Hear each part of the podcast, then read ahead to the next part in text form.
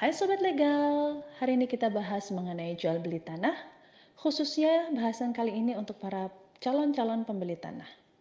Apa tuh yang perlu kita perhatikan? Yang perlu kita perhatikan adalah satu, jelas objeknya. Tanahnya ada, tanahnya tidak dalam sengketa, tidak ada pasangan tulisan apa pun di objek tanahnya. Bukti haknya jelas, bukti hak ini apa? Ada sertifikatnya kita paham status tanahnya hak milikkah, hak guna bangunankah, hak pakainkah.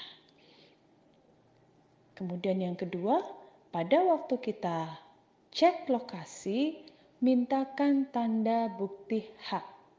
Tanda bukti hak ini yang nantinya dari situ kita tahu siapakah nama yang tertera di dalam sertifikat. Cari yang namanya belum dicoret maka dialah yang berhak untuk menjual tanah tersebut. Baik berhadapan langsung dengan nama tersebut, dengan orang dengan nama tersebut, ataupun bisa melalui kuasa. Itu yang kedua. Lalu yang ketiga, jelas harganya.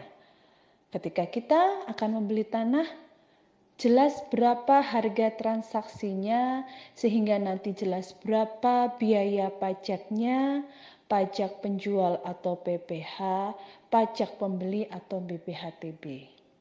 Siapa yang akan menanggung pajak penjual, siapa yang menanggung pajak pembeli, siapa yang bertanggung jawab atas biaya akte serta balik nama.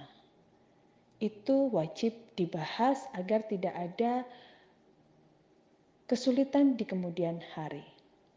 Jika semua sudah fix, harga, sertifikat ada berhadapan dengan penjual yang jelas, maka yang dilakukan cek sertifikat di BPN.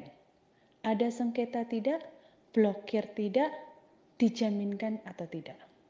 Hasil cek clear, lanjutkan dengan pembayaran pajak.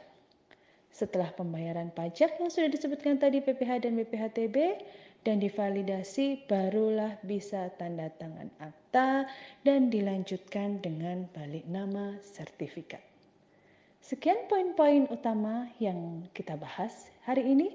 Nantinya kita akan bahas secara step by stepnya atau penjelasan lanjutan. Terima kasih.